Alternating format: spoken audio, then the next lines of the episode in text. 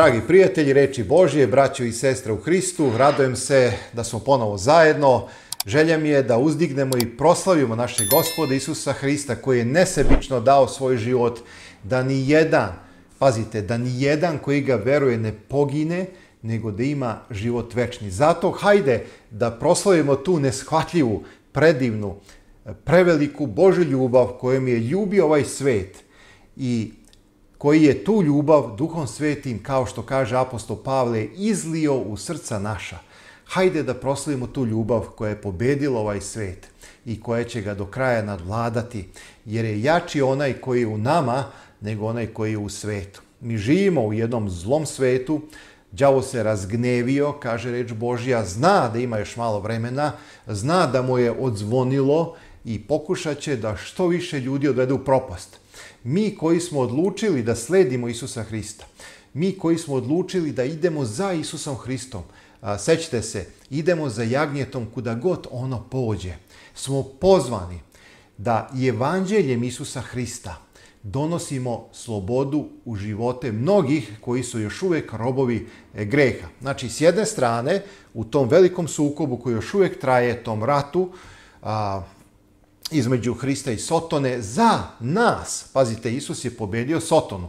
Sećamo se na krstu Golgote, tako, Isus je pobedio, ali pošto još uvek Sotona živi i čeka svoj kraj, a, na osnovu, je tako, Biblije, u tom velikom sukobu koji se vodi za svakog čoveka, za svaku dušu, za svako ljudsko biće, mi koji smo stali na stranu Isusa Hrista smo pozvani da iskoristimo ovo vreme milosti i blagodati, dok je još uvijek Duh Sveti prisutan, pre nego što se povuče i krenu sedam poslednjih zala, kada niko više neće moći da se pokaje. Sada, dragi moji, da udružimo naše snage i da dopremo do tih ljudi koji još uvijek tu maraju u mraku ovoga sveta, koji još uvijek ne znaju ni šta je levo, ni šta je desno, koji još uvijek nisu spoznali Isusa Hrista. A vi ste svedoci, ja sam svedok na stotine ljudi koji su promijenili svoje živote kada su shvatili ko je Isus Hristos, kada su shvatili šta je Isus uradio za njih i koliko ih voli da je dao svoj božanski život za njega, za mene, za tebe. Zato, dragi moji, moramo se boriti. Mi smo Božje produžene ruke i noge na ovome svetu. Mi smo njegove oči. Kada mi stavimo našu ruku na rame nekoga koji je umoran, koji je izranjavan, koji je, da kažem, demoliran od greha i kada mu kažemo reči utehe i kada se molimo sa njim i kada ga pozovemo da dođe Isusu Hristu, to je kao da je to Isus Hristos uradio. Zašto? Zato što mi tada imamo Hristov duh, činimo Hristova dela i pomažemo ljudima da dođu u naručje Božje. S jedne strane, đavo će putem greha Eh, manipulacija, medija, varanja, laži, da odvlači ljude od Hrista. A šta je onda naš zadatak? Naš zadatak je da privlačimo ljude ka Hristu. Kako? Kroz reč Božju, kroz molitvu, ko, kroz posete, kroz a, mnogo toga što nam je Bog dao da možemo učiniti i raditi. I zato, dragi moji, ovu emisiju posvećujem Duhu Svetome. Zašto? Zato što smo bez Duha Svetoga kao a, suho drvo koje nema u sebi soka, koje nema u sebi života, suvo drvo sa koga svo lišće opada i venu i suše se grane. Takvi smo i mi ako nemamo duha svetoga.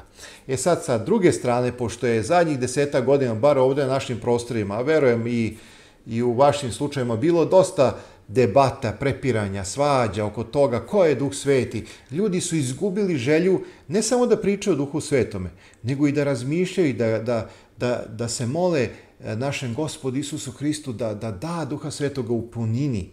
Nekako smo uplašeni da uopšte pričamo više o tome jer smo na neki način možda i sami sluđeni. A vidite, to đavo i hoće. Međutim, ja duboko verujem da mi moramo svaki dan vapiti za silu, eh, za silom sa visine. Da nas Bog obuče u tu silu sa visine. Da dobijemo silu Duha Svetoga kao što je Bog na dan pedesetnice dao veliku silu sa neba Duha Svetoga koji je obuzeo učenike koji su izašli iz gornje sobe i u sili i snazi Duha Božjeg propovedali evanđelje, ne mareći više za svoj život, za neku svoju udobnost i za, za to da gledaju samo za sebe, nego su gledali za ono što je za druge, ono što je pretežnije, ono što je bolje. Zato ću u ovoj emisiji izneti ono što sam pripremio za vas. Napravio sam jednu malu skripticu, jedan mali presek na osnovu Biblije kako treba da razmišljamo o Duhu Svetome i kako da budemo ispunjeni sa njim. Pre toga, Zahvaljujući Božoj milosti i vašoj podršci, YouTube kanal Biblija uči i dalje deli besplatno svetu Božju reč. U svojim rukama imam prevod Karadži Daničić, latinično i ćirilično izdanje. Ovaj srednji format, tvrdi povez, može biti vaše ako pošaljete a, vaše podatke, adresu na ove gornje adrese koje vidite sada pred vama. Znači imate dve opcije, znači Biblije su besplatne, jedino što treba da platite jeste poštarina. Ako neko ne može da plati poštarinu, neka to naznači, rešit ćemo taj problem. To u stvari nije problem, sve je rešivo.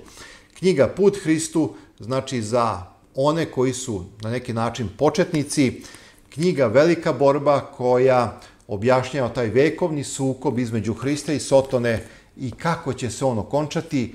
Ponovo sam otkupio i delim knjigu koja je fantastična, globalna kontrola, nju sam sigurno preko 300 primjeraka podelio, možda i više, ali evo, pošto ima potražnje, znači nabavio sam, ona objašnjava na osnovu knjige proroka Danila i knjige Otkrivenje sve ono kako jeste bilo, kako je sada i kako će se završiti, znači bavi se proročanstvima i njenim, njihovim ispunjenjem znači brend kanala Biblija uči koja u sebi ima 42 osnovne istine koje pomažu da se razume reč Božja i dragi moji, novi srpski prevod, plavi format ima velika slova, znači podsjećam, samo imam čirilicu, znači nemam latinicu plavi format, novi srpski prevod i srednji format, takođe novi srpski prevod, ali je ovaj crveni, znači latinica.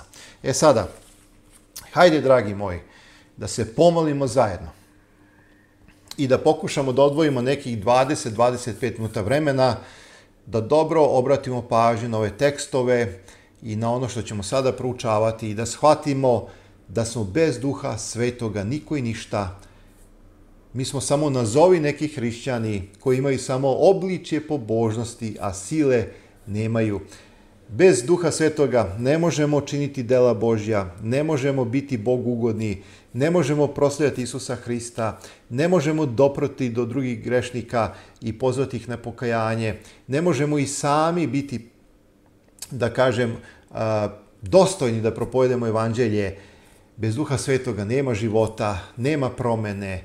Zato, dragi moji, duboko verujem da možda evo ova emisija treba da bude na neki način prekretnica u našem životu i da shvatimo koliko nam je Duh Sveti potreban da odbacimo svan, sve naše debate, da pokušamo da uđemo u samu prirodu Duha Svetoga, ali da shvatimo da nam je On poslat kao drugi utešitelj koji donosi prisutnost Oca i Sina i bez kojeg ne možemo ništa činiti jer se kroz njega manifestuje Hristos koji je naš spasitelj koji je pobedio zlo, sotonu, greh. Hajde da se kratko pomolimo. Oče naš nebeski, u ime našeg gospoda Isusa Hrista, Molimo te da otvoriš naš um, da nas prožmeš duhom svetim, da bismo shvatili na pravilan način kakav odnos treba da imamo sa duhom svetim, koliko nam je on potreban i da bez njega ne možemo činiti ništa. Predajemo se u tvoje milostive ruke, a ti nas nadahni sada. Ovo te molimo u ime našeg gospoda i spasitelja Isusa Hrista. Amin. Vi znate da je, dragi moji, raspeće veoma snažno zbunilo hrišćane onog vremena apostole. Sa druge strane, Vaskrsenje je unelo jutro, jedan novi početak u njihove živote. A, kada je Isus slomio okove smrti, a, vi znate da je tada Božje carstvo osvanulo u njihovim životima. Sada se u srcima apostola rasplansao neugasivi plamen, sila koja ih je obuzela bila je sila koja je nadvladala ovaj svet i sila koja je počela da upravlja njihovim životima. Nestalo je svađe, nestalo je nesporazuma, oni su ispovedali jedan drugome grehe, otvorili su srca da prime Isusa svog vaznetog cara. Jedinstvo ovog nekada raštrkanog stada raslo je dok su oni bili u molitvi i provodili dane zajedno.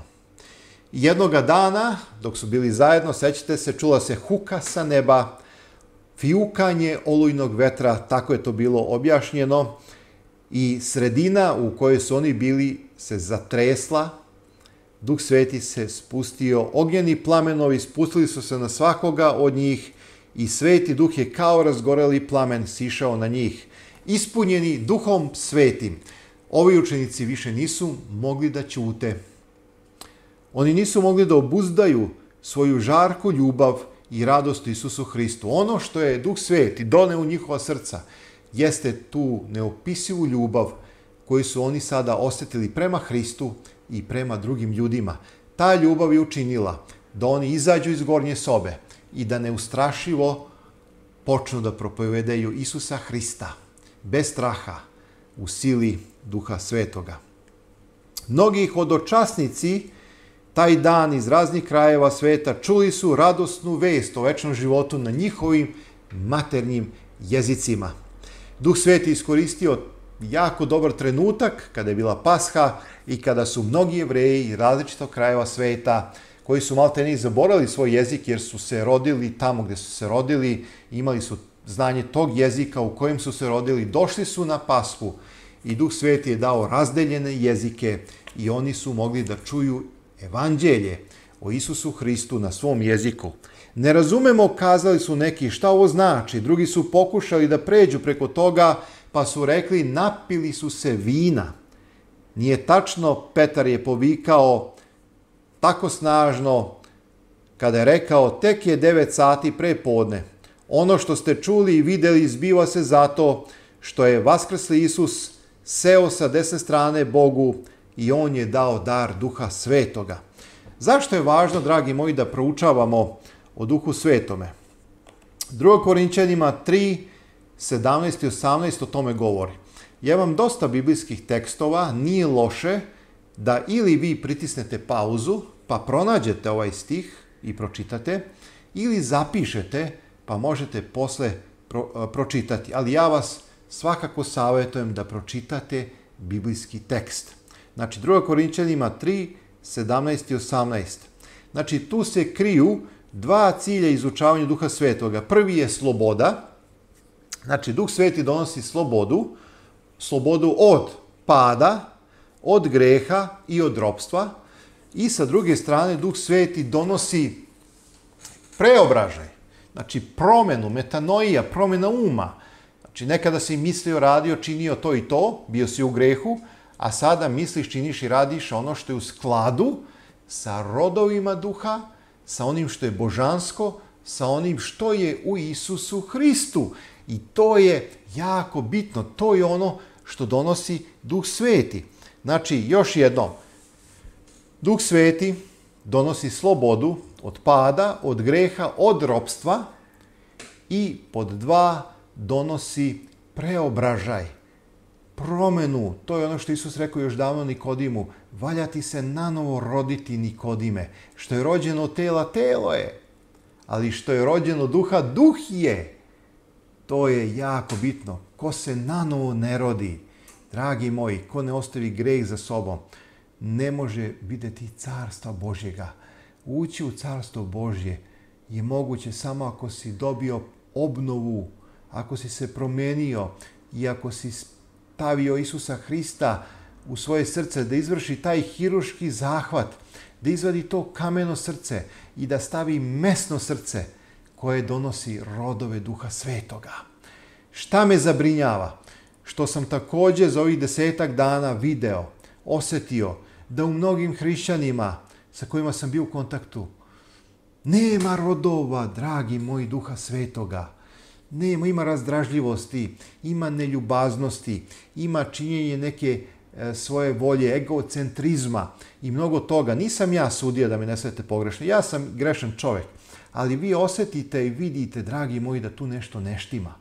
Da tu nešto neštima. Mi ne treba nikada da se upoređujemo sa drugim ljudima. Mi treba da se upoređujemo sa Hristom. Da li sam hristolik? Da li sam odbacio neke grehe. Da li sam sve slični Hristu? Hristos je naša uzdanica, Hristos je naše ogledalo, Hristos je naš motiv, Isus je naš cilj, Isus je naš primer, Isus je naš pastir. Isus je naš učitelj, Isus je naš gospod. On nam je primer u svemu. Zato je uzeo telo i krv da bi nam bio primer, da bi pokazao kako se pobeđuje greh, oslanjajući se na svemu kada je u pitanju naš Otac Nebeski. Znači, ovo je velika istina, dragi moji. Isus je mogao da koristi svoju silu i da uradiš sve što je mogao da uradi. Ali Isus se u svemu oslonio na Oca Nebeskog. Na Oca Nebeskog. To je jedna velika lekcija koju ja učim, a evo, delim sa vama. Jači je onaj koji je u vama, nego onaj koji je u svetu ako naše izučavanje Duha Svetoga ne prati ova dva cilja, mi smo promašili izučavanje Duha Svetoga i propovedanje. I upravo to se desilo u zadnjih 10 ili 15 godina na našim prostorima, gdje su se ljudi uhvatili da sekciraju biblijske tekstove, da ih vade iz konteksta i da pokušavaju da uđu u neke tajne e, koje ni sama Biblija ne otkriva, niti duh proštva i jednostavno podeli su crku, mnogi su otišli iz crkve nekim svojim putevima, stvarajući neke zasebne enklave koje nisu blagoslovene, dragi moji. To je samo neka umišljenost. Znači, razmišljanje o duhu svetome mora da prati ova dva glavna cilja, a to je duh sveti donosi slobodu od pada, od greha, od robstva i duh sveti donosi preobražaj da li sam ja iz dana u dan, sve sličniji Hristu. To je predmet o kojem treba razmišljati, to su granice u kojima treba da ostanemo kada je u pitanju razmišljanje, prizivanje ili promišljanje o duhu svetome. Da bismo mogli naslediti neraspadljivost, potrebno je da se preobučemo u slavu gospodnju. Šta je slava gospodnja, barem na osnovu starog zaveta? To je njegov karakter – da bismo primili njegov karakter, potreban nam je duh sveti. Jedino on može da nas u tome vodi. Vidite, znači, slava gospodnja je njegov karakter. Gospod, gospod, milostiv, žalostiv, spor na gnev, obilan milosrđem istinom i tako, koji prašta i tako dalje i tako dalje. To je ono što je Bog rekao Mojsiju kad je prolazio u slavi i kada je Mojsije bio sakriven među stenama i imao je mogućnost da čuje šta je slava gospodnja. Zašto je važno izučavati Duha Svetoga? Kada se govori o ocu i Sinu, govori se o njihovoj transcendentnosti, udaljenosti. Isus je seo na prestolu očevom. On je tamo gore. Međutim, Duh je taj koji živi u nama. On je sada najbliži čoveku i on donosi prisutnost i Oca i Sina u naša srca. Isus kaže, ja ću biti s vama sve dane poslaću on drugog utešitelja. Kroz tog drugog utešitelja Isus je prisutan sa nama. On je Bog sa nama duhovni, Emanuilo, imanentni Bog. Od vremena izlivanja duha svetoga čini nam se da crkva živi u doba duha. Obično, u nekim literaturama teološkog karaktera moglo se reći da se u starom zavetu živjelo doba oca, u nekom međuzavetnom periodu doba sina, a sada nakon skrsenja i nakon pedesetnice crkva živi u doba duha a, svetoga.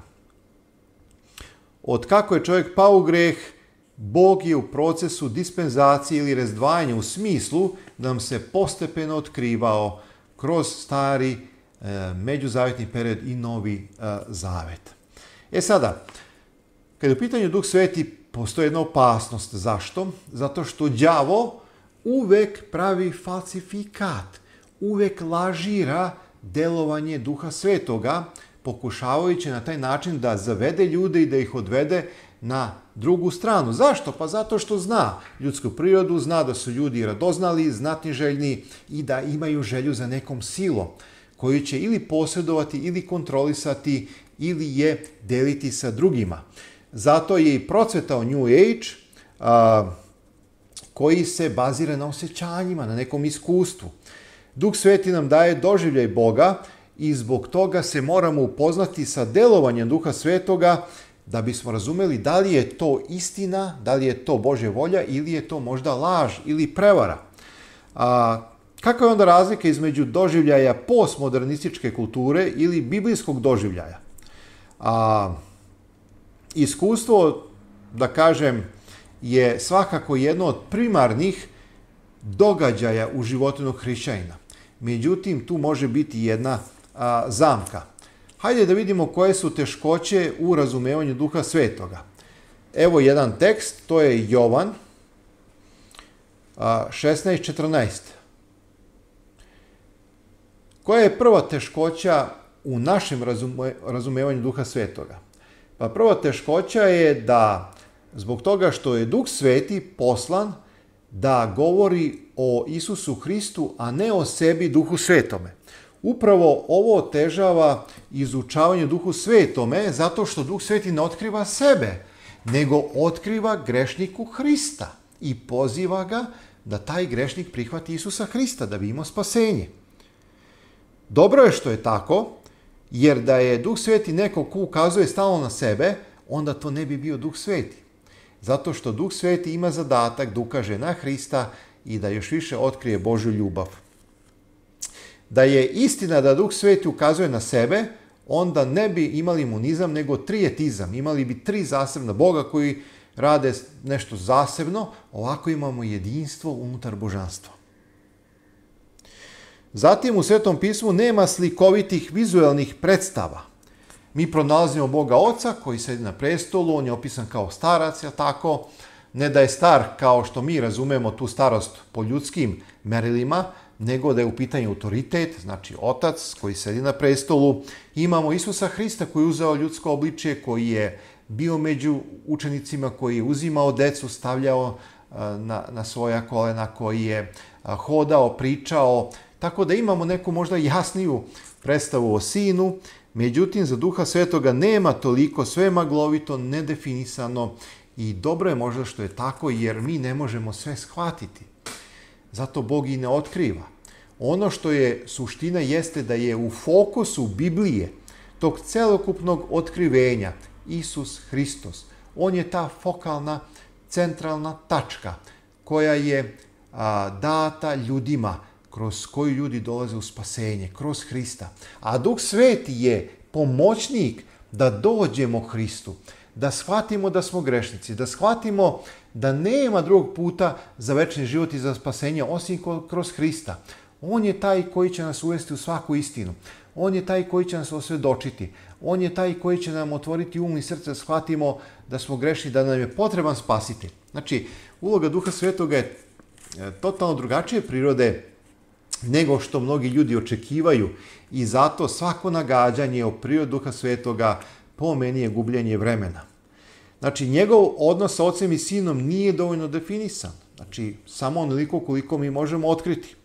Čitao izučavanje duha se svodi na izučavanje ličnosti i dela, a to jest ono što je duh sveti uradio i ono što radi, a ne ko je on u svojoj božanskoj prirodi, nego njegovo delo, njegov uticaj, njegovo poslanstvo. A, hajde da vidimo ko je duh sveti. Znači, Biblija otkriva da je duh sveti ličnost, a ne bezlična sila. U delima a, je zapisana tvrdnja da su ga prvi učenici smatrali ličnošću. Zapazite dela 15.28. Znači, dela 15.28. Jer nađe za dobro sveti duh i mi. Nađe za dobro sveti duh i mi. Isus je o njemu govorio kao o ličnosti, on će me proslaviti. Znači, on će biti poslat a, i taj, pazite, glagol a, poslat. Znači, otac šalje Duha Svetoga, sin šalje Duha Svetoga, otac i, ši, i sin šalju Duha Svetoga. Ali to je taj glagol ex erho mai, što znači poslan, a ne da on proishodi. I znate filiokve i taj problem i tih sabora koji su imali debate od koga proishodi. Ovde se ne radi o proishođenju, nego o poslanstvu. Kao što je otac poslao sina, tako sada šalji duha svetog ili sin kaže ja ću vam poslati a, koji je poslat od oca ili ja ću vam poslati. Znači, radi se o poslanstvu, a ne o proishođenju. To je velika razlika. Evo, Duh Sveti ima svoju ličnost, recimo on se bori, prvo Mojsijeva 6.3, Zatim Duh Sveti uči, Luka 12.2, Duh Sveti sudi, je tako, mislima i pomislima, Jovan 16.8, Duh Sveti upravlja crkvenim poslovima, Dela 13.2, a, Duh Sveti pomaže, Duh Sveti posreduje, Rimljanima 8.26, Duh Sveti nadahnjuje, Duh Sveti razdaljuje darove po svojoj volji i tako dalje, druga Petrova 1.21, prva Petrova 1.2 i tako dalje. Pazite, može se mnogo govoriti o duhu svetom, međutim, ja bih želeo da stavimo akcenat na razumevanje njegovog dela. Zadatak duha svetoga jeste a, prožet onim što Hristos radi u nama. Zato se često delovanje duha svetoga povezuje sa delovanjem Isusa Hrista, pa se zato kaže duh Isusov, dela 16.7, ili duh sina njegova, Galatima 4.6, ili duh Božji, Rimljanima 8.9, ili duh Hristov, Rimljanima 8 i tako dalje. Znači, kada Isus otkrio početak službe Duha Svetoga ovom izgubljenom svetu, napomenuje dva izvora. Zapazite, on se pozvao na oca i ja ću umoliti oca i daće vam drugog utešitelja, Jovan 14.16, možeš uporediti sa 15.26 od oca, znači Jovan 15.26 od oca, i dalje Isus je ukazao i na sebe samoga, poslaću vam ga, ja ću ga poslat, kaže Isus, Jovan 16.7. Na taj način Duh Sveti je poslan i od oca i od sina a, njegova služba u njegovoj crkvi, šta to Duh Sveti radi za vernike? On pomaže vernicima, vidite. Mi nekada hoćemo sami, oslanjamo se možda na neke druge ljude, na njihov autoritet, možda se oslanjamo često na naš razum, mi smo dovoljno pametni, ili tako, međutim, Duh Sveti pomaže. On je izvor sile, pameti i mudrosti. Kada je predstavio Duha Svetoga, Isus ga je nazvao drugi utešitelj parakletos, onaj koji stoji pored, onaj koji teši, onaj koji savetuje, onaj koji stoji blizu nekoga da bi pomogao. Ova grčka reč prevodi se kao pomoćnik, utešitelj, savetnik, a može da znači i posrednik.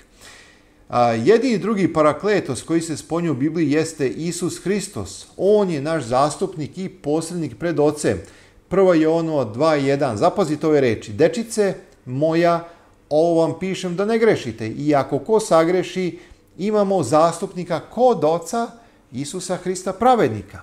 Znači, kao zastupnik, posrednik i pomoćnik, Isus nas prikazuje Bogu, a Boga otkriva nama. Slično ovome, znači ovde sam našao jako dobru paralelu, dragi moji, slično ovome, duh nas vodi Hristu i pokazuje nam Hristovu milost. Ovo objašnjava zašto se duh naziva i duh milosti. Jevrejima 10.29. On iznosi Hristovu istinu. Isus naziva duha svetoga duh istine.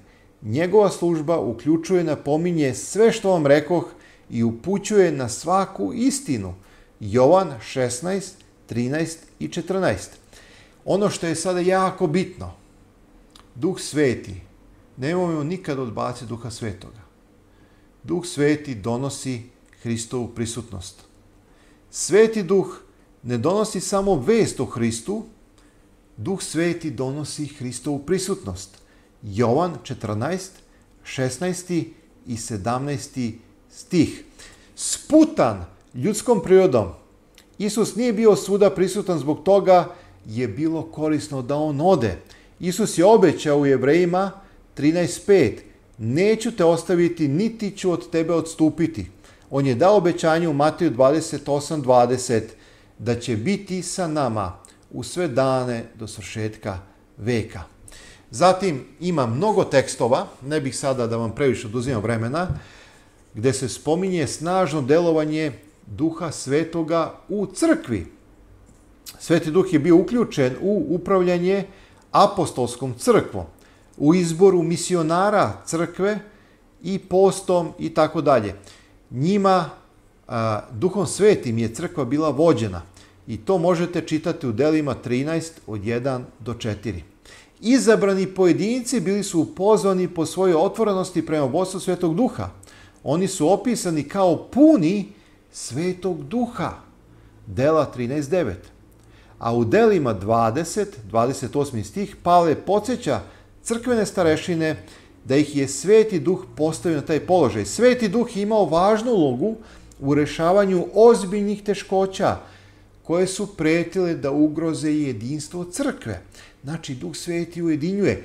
Duh Sveti nikada neće praviti raskol, Duh Sveti nikada neće razdvajati, Duh Sveti će uvek svedočiti istinu, istina koja ujedinjuje odluke Prvog crkvenog sabora Sveto pismo iznosi ovim rečima jer nađe za dobro Sveti duh i mi 15.28 Duh sveti, dragi moji, bogati crkvu različitim sposobnostima, darovima.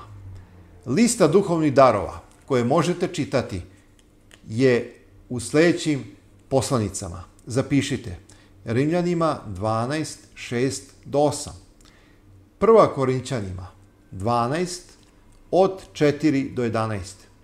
Efesima 4.11 i 1. Petrova 4.11. Znači, hajde da napravimo jedan zaključak kada su u pitanju i duhovni darovi. Duhovni darovi su dati za edukaciju crkve, odnosno za njenu izgradnju. Sledeća istina jeste da niko nema sve darove. Sve osobe nemaju jedan te isti dar. To je jako bitno. Svi darovi su važni, nema važnijih i manje važnijih darova. I ono što je jako bitno, duh sveti određuje. Ne da ja sad imam neku želju pa da ja kažem šta bi ja voleo, nego duh sveti određuje ko će koji dar dobiti on ispunjava srca vernika. Dela 19.2 kaže, da li ste primili duha svetoga kada ste verovali?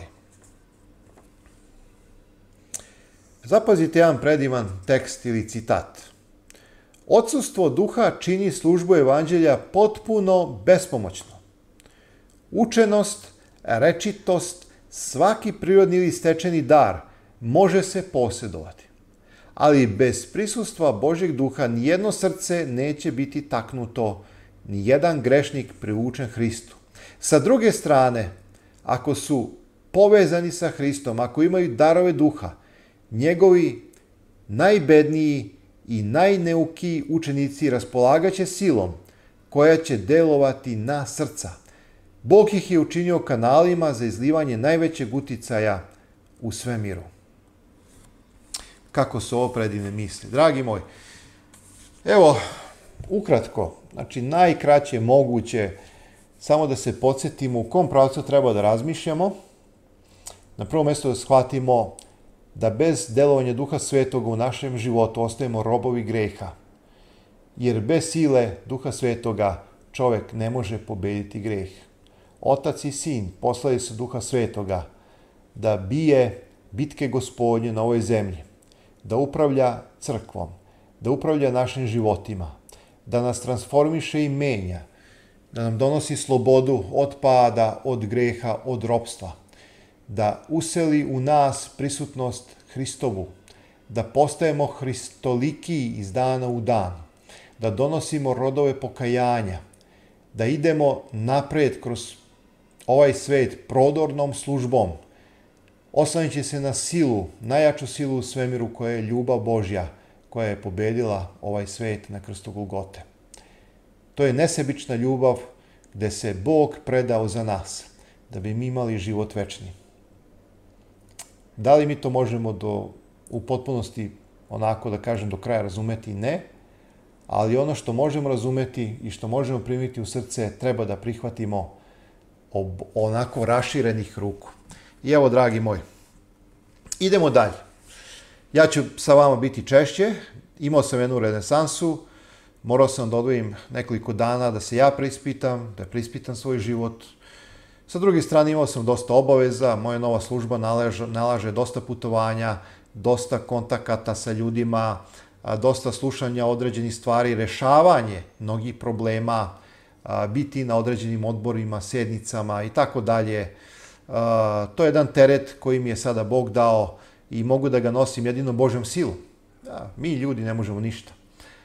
Ali to je sve zahtevalo jedno moje preispitivanje, jer sam shvatio da imam puno više odgovornosti, a, potrebno je vreme za sve to, potrebno je ispratiti i sina, završavao je godinu, treba nešto novo upisati, e, treba i biti sa ocem, jer moje majke više nema i to zahteva jedan dodatni napor, obavezu da se staramo o našim starim roditeljima, to je peta Božja zapovest, poštuj oca i majku i tako dalje. Ako volimo Boga, volećemo i naše roditelje i poštovaćemo ih. Ali idemo napred. Isus je sa nama, on je to obećao. U njemu je izvor neopisive sile i snage. I ono što obično čovek oslonit se neko u svoju snagu, nikada ne bi mogao izdržati, odavno bi puko po šavovima, zahvaljujući Božoj sili koje nama duhom svetim, mi idemo napred. Ujedinjeni, rame uz rame, srce u srce, da se delo Božje dovrši. Ja vas samo podsjećam, sve ovo što delim je, znači, besplatno, molim vas, naručite, ja vas samo podsjećam, kada primite, ja znam, vi mi mnogi se zahvaljujete na mail, na messenger, na Viber, Napišite nekad ispod videoklipa da ste primili Bibliju, to će ohrabriti i druge da naručuju. Ljudi će videti da zaista postoji jedan veliki obrt, da mnogi ljudi postaju srećni, promenjeni, čitajući reč Božju, slušajući propovedi. Jako je to bitno. Možda je ova emisija danas bila malo duža, ali bilo je potrebno, zato što je jako bitno da shvatimo da u ovome mračnom, grešnom svetu u kome se đavo razbesnao i riče kao lav, žuri i traži koga da pojede, znajući da vremena malo ima, da se podsjetimo da ne smemo da zaboravimo da razmišljamo i promišljamo o sili Duha Svetoga koji je, koja je sa nama, koje nam je Bog dao, da budemo pobednici. Ironija bi bila, dragi moji, da pored svih silnih obećanja, te pobede koje je Isus Hristu, te sile koje nam je na raspolaganju, mi na kraju izgubimo u toj bitki, u tom ratu. To bi bila ironija i zato moramo se boriti i ići napred. Ne smemo posustati. Na ovome putu ka večnosti ne možemo zastati. Ne smemo se osvrnuti jer ćemo postati kao slan kamen, kao ona žena Lotova. Setite se. Ovaj svet prolazi.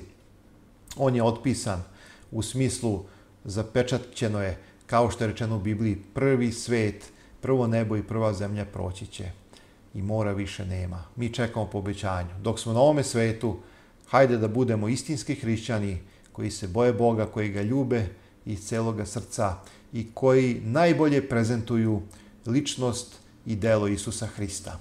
Svakom dobro želim, neka vas Bog blagoslovi. Vidimo se uskoro u nekoj od novih emisija. Nastavljamo, nastavljamo sa proučavanjem Rimljanima poslanice Nastavljamo sa delenjem onih predivnih videa koji govore o informaciji. Ja ću se truditi da uz molitvu i pomoć Duha Svetoga izaberem najbitnije teme koje ću propovedati na mom kanalu Biblija uči da bismo išli napred. Svakom dobro želim.